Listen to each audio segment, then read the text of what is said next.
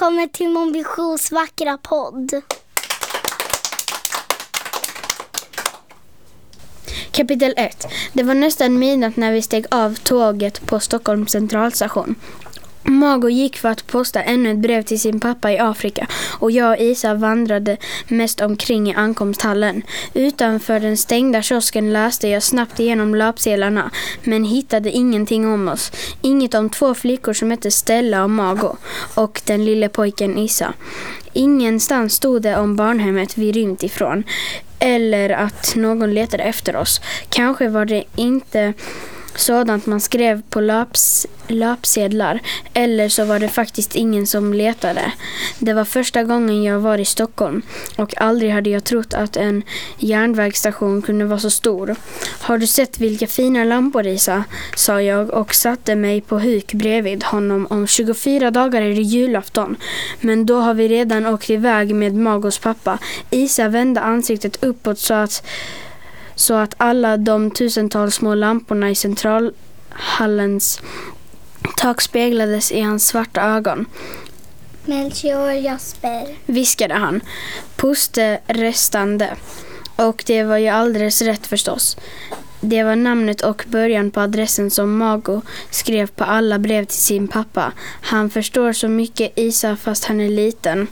Affärerna och kafé, kaféerna på stationen hade stängt och det var kanske lite bra.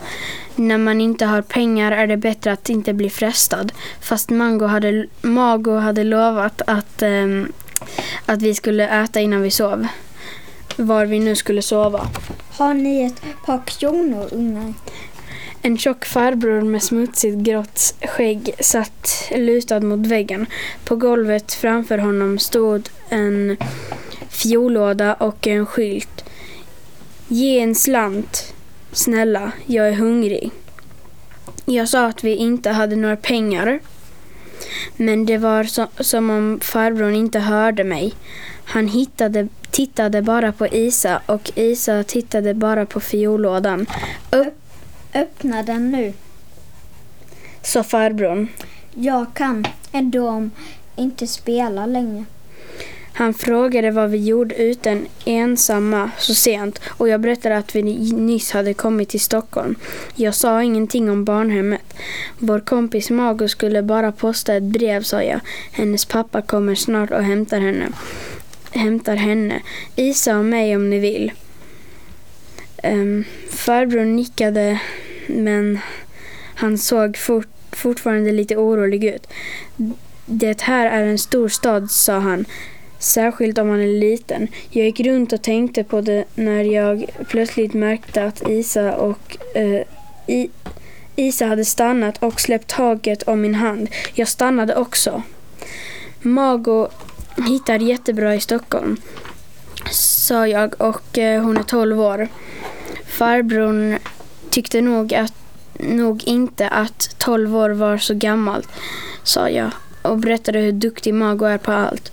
Hon pratar fyra språk sa jag och hennes pappa har en guldgruva och det är fixat.